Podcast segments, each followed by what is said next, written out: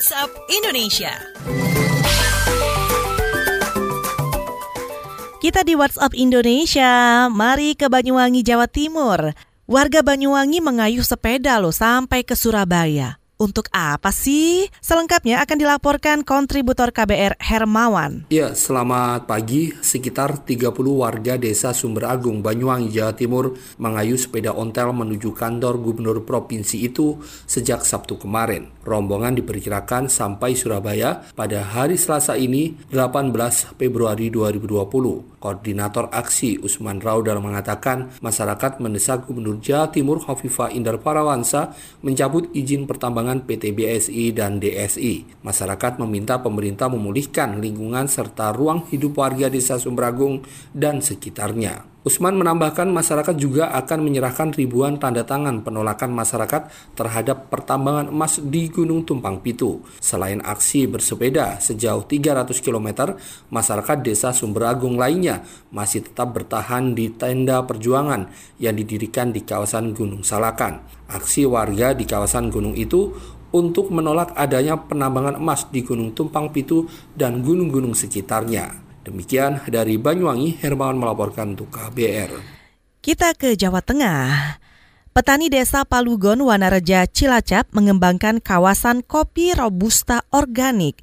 Selengkapnya akan disampaikan kontributor KBR Muhammad Ridlo. Selamat pagi Ridlo. Selamat pagi. Sejumlah petani di Desa Palugon, Kecamatan Wanareja, Kabupaten Cilacap, Jawa Tengah mulai mengembangkan kawasan kopi robusta organik di kawasan Pegunungan Cilacap bagian barat utara. Koordinator Petani Palugon, Gufron, mengatakan sementara ini pihaknya telah menyiapkan bibit sebanyak 60 ribu batang.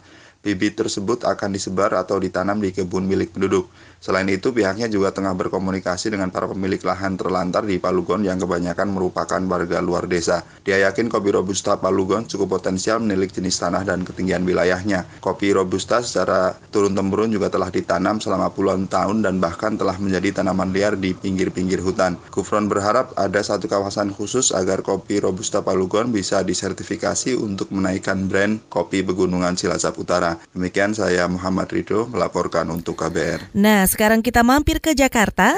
Rektor Institut Pertanian Bogor atau IPB mendorong Indonesia mengekspor rumput laut. Selengkapnya disampaikan reporter KBR Valda Kustarini. Selamat pagi Valda. Selamat pagi. Rektor Institut Pertanian Bogor, Arif Satria, mendorong Indonesia untuk mengekspor rumput laut. Sebab menurut Arif, produksi rumput laut Indonesia termasuk yang tertinggi di dunia. Arif mengatakan rumput laut Indonesia harus ada nilai tambah atau added value supaya bisa memiliki nilai jual yang lebih tinggi. Senada dengan Rektor IPB, sebelumnya Kementerian Kelautan dan Perikanan akan menggenjot nilai ekspor rumput laut untuk pertumbuhan ekonomi nasional. Direktur Jenderal Perikanan Budidaya Selamat Subiakto menyebut KKP sudah menyiapkan berbagai strategi percepatan peningkatan produksi rumput laut dalam peta jalan industrialisasi rumput laut nasional hingga lima tahun mendatang. KKP menargetkan tahun 2020 produksi rumput laut nasional mencapai sekitar 11 juta ton.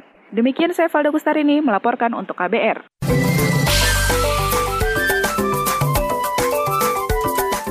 WhatsApp Indonesia.